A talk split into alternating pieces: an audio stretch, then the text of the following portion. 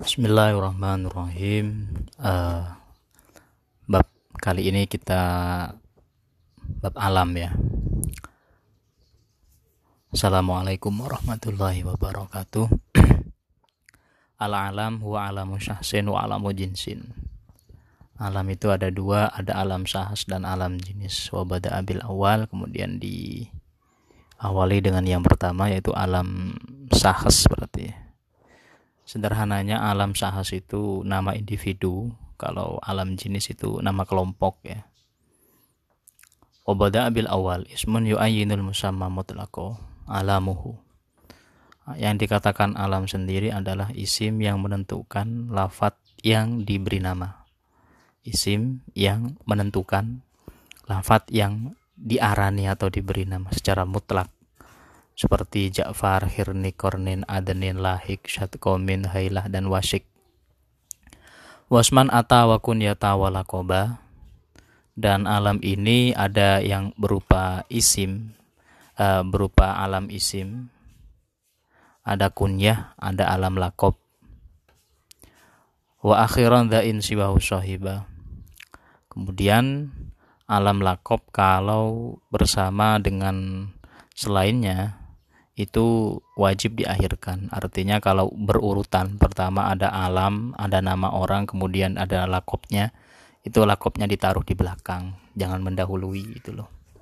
Artinya misalkan uh, Muhammad ada orang namanya Muhammad kemudian julukannya Zahid misalkan. Nggak boleh Zahid dulu lalu Muhammad. Harus Muhammad dulu lalu zahid itu loh. Maksudnya semacam itu.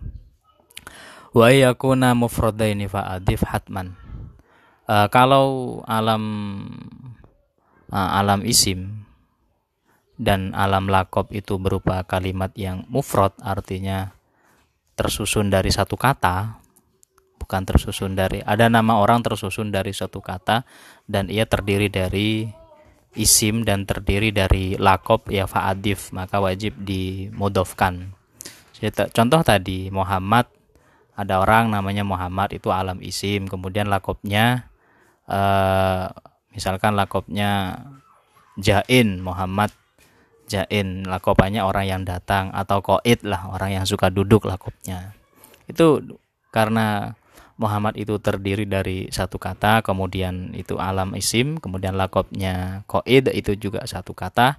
Keduanya itu kalau digandeng itu wajib dimudofkan. Muhammadun koidin itu loh. Muhammadu koidin, Muhammadu koidin semacam itu. Wa illa la dirudif. Kalau tidak ya maka diiringi saja. Artinya ditaruh di setelahnya. Artinya kalau ada dua alam yang beriringan tapi itu tidak terdiri dari satu kata maka diiringi saja sesuai urutannya jadi yang pertama itu alam esim kemudian alam lakob atau alam kunyah itu diiring kalau memang terdiri dari satu kata eh, terdiri dari tersusun tersusun dari dua kata ya misalkan kan ini ada orang namanya Abdullah. Nah, Abdullah itu kan bentuk idofah Abdun dan Allah. Kemudian jadi alam jadi nama orang. Julukannya Zainal Abidin. Abdullah itu alam isim yang terdiri dari dua suku kata. Zainal Abidin itu juga alam lakopnya terdiri dari dua suku kata. Maka diiringi saja. Artinya setelah alam isim baru alam lakop semacam itu. Itu penulisan urutan alam ya Wamin humangkulun juga ada alam mangkul seperti fatlin dan asad alam mangkul nanti penjelasannya wadur tijalin ka suadin wa udat juga ada alam irtijal seperti suada dan udat nanti contohnya Kaulu mutlakon artinya alam itu adalah nama yang menentukan sesuatu yang diberi nama. Artinya isim yang menentukan sesuatu yang diberi nama secara mutlak. Maksudnya secara mutlak di sini bila korinatin horijatin andatil lafdih artinya kemakrifatan atau ketertentuan eh, penentuan yang ada pada lafat tersebut itu tidak membutuhkan indikasi dari luar lafadznya. Mak sederhananya makrifatnya alam itu tidak butuh kepada korina lafat yang lain atau korina atau tanda makrifat yang di luar lafat tersebut Contoh ya, ada orang namanya Muhammad itu loh. Ketika saya berbicara dengan seseorang yang bernama Muhammad, ya secara otomatis kata Muhammad di situ adalah bentuk alam yang makrifatnya memang secara lafat karena dia sudah alam. Karena ada lafat-lafat yang uh, takinnya, penentuannya itu amrun khorij. Nah, itu didasari dengan indikasi luar. Contoh, bihilafil baki ma'rifat, ma'arif. Beda dengan sim-sim ma'rifat yang lain. Fa innaha maudu'atun li ta'inil musammaha.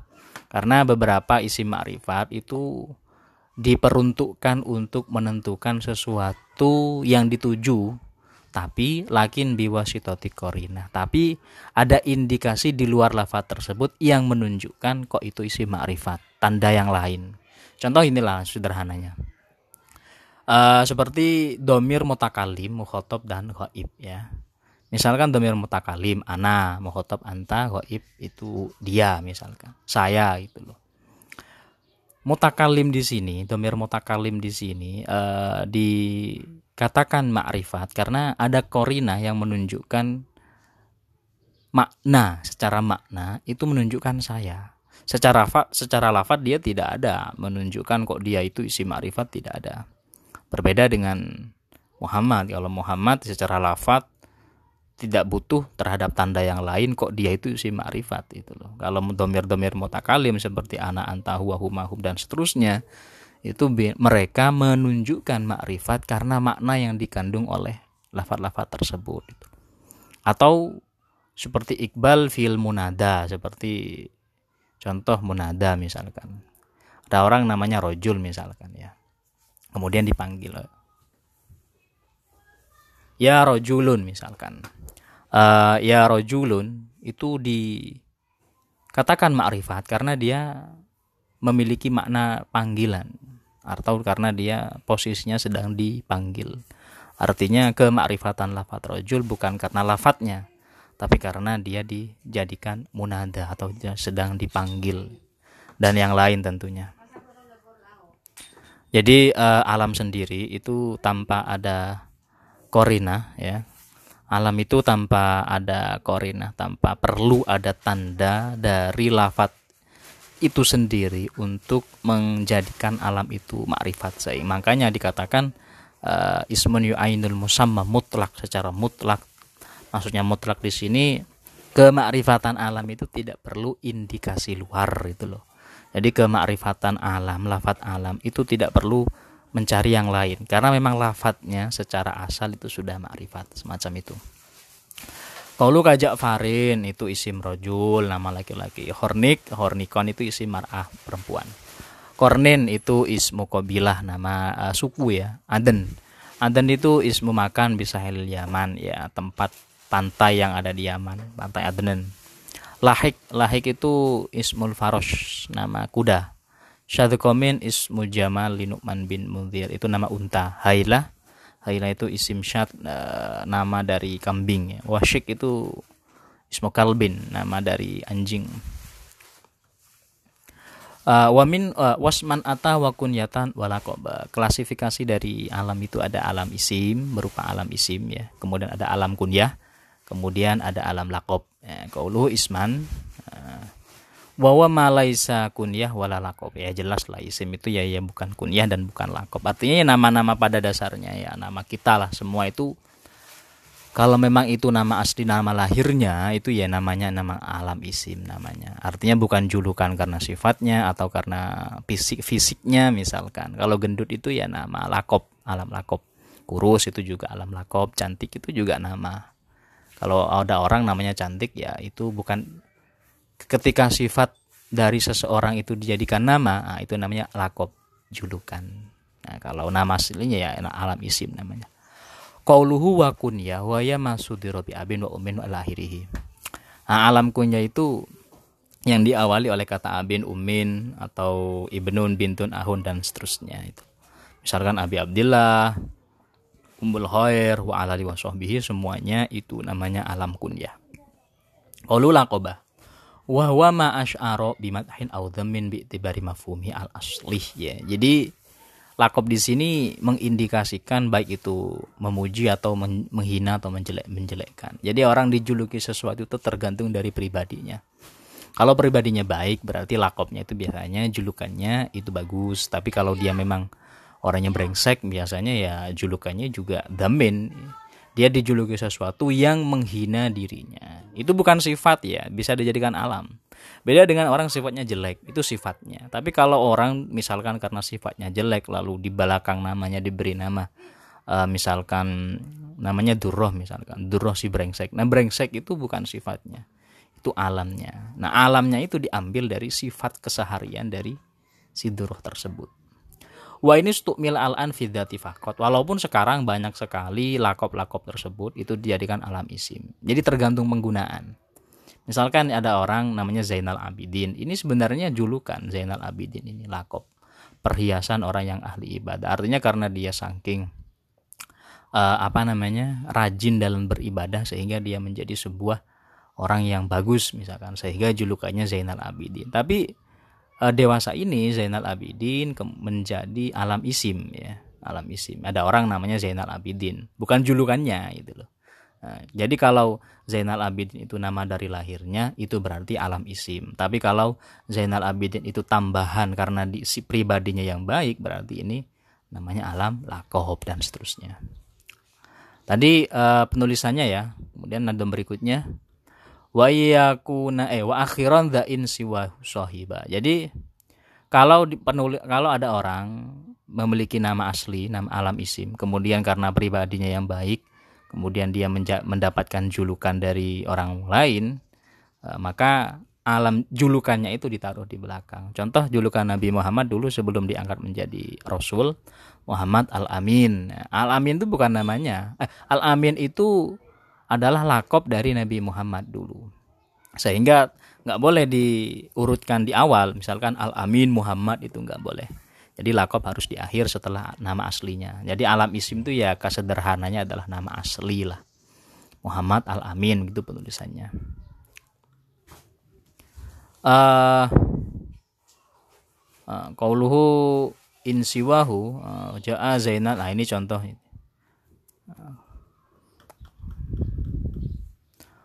Siwau sahiba. Nah ya contohnya ini contohnya. Kalau in siwau sahiba. Fatakulu ja'a Zaidun. Datang Zaid. Ini Zaid ini berarti nama aslinya. Kemudian Zainal Abidin ini julukannya. Atau Umar Faruk. Umar ini nama aslinya. Al Faruk ini julukannya.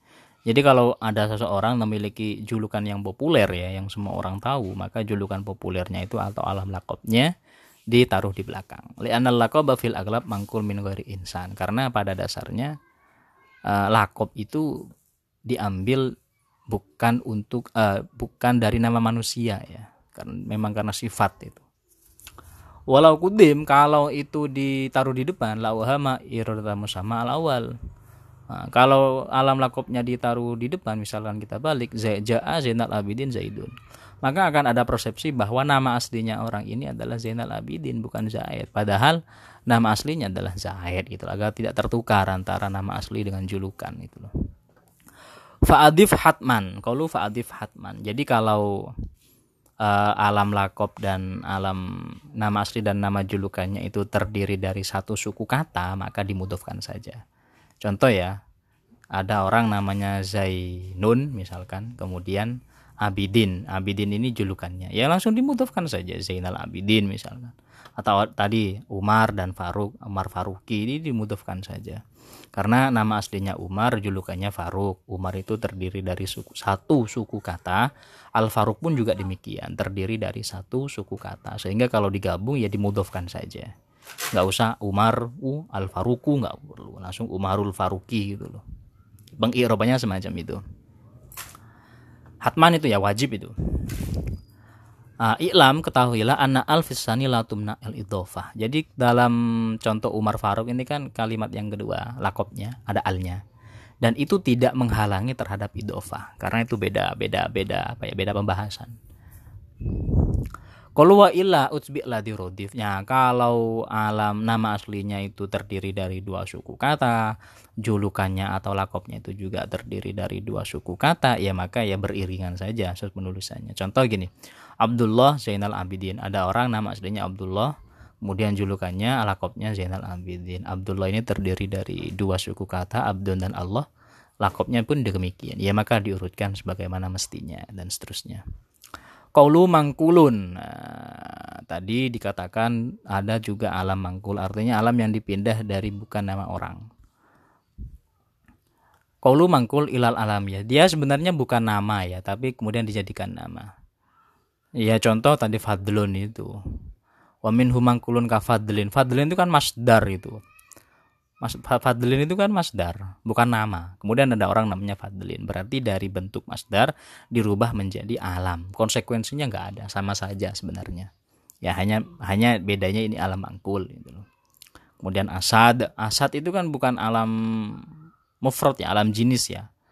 Jenisnya macan kan ada banyak gitu loh. Kemudian dijadikan nama orang misalkan eh, Muhammad Asad uh, Asad misalkan. Ada orang namanya Asad ya berarti dia alam mangkul gitu Kemudian ada durtijal. Durtijal di sini qauluhu durtijal alladzi lam yusbiqlahu istimalu qabla alamiyah fi ghairiha. Belum pernah sama sekali digunakan intinya. Contohnya nggak ada di sini, nanti cari sendiri. Oke. Kesimpulannya di bab alam itu tentang alam sendiri. Alam itu kan nama ya kan ya. Jadi ismun yu'ayinul musamma mutlako alam alam sendiri adalah isim yang menentukan sesuatu yang diberi nama secara mutlak. Artinya mutlak di sini eh, kemakrifatan alam itu bukan tergantung dari hal lain di luar lafadznya. Ya karena lafadz sendiri lafadz alam sendiri itu sudah menunjukkan makrifat. Kemudian jenis-jenisnya alam ada alam asli atau isman ada alam kunyah yang diawali oleh abin wa umin dan sebagainya. Kemudian ada alam lakop uh, yaitu julukannya. Kemudian penulisannya wa akhiran da'in sibau sahiba kalau alam lakop ini bersama dengan nama asli atau nama kunyah maka wajib di berada di akhir itu loh. Artinya setelahnya jangan disebutkan sebelumnya. Wa yakuna mufradan fa'adif kalau ada orang memiliki nama asli kemudian nama julukan tapi keduanya terdiri dari satu suku kata maka dimudofkan saja wa illa ajbi ladirodif kalau nama aslinya dan nama julukannya atau alam kunyah ya, atau lakopnya itu terdiri da, lebih dari dua suku kata ya maka diurutkan sebagaimana biasanya. Dan yang terakhir alam itu juga ada alam mangkul artinya nama sesuatu yang sebelumnya tidak diberikan kepada seseorang atau sesuatu seperti Fadlin dan Asad dan ada alam durtijal. Sekian tentang bab alam. Terima kasih Assalamualaikum warahmatullahi wabarakatuh.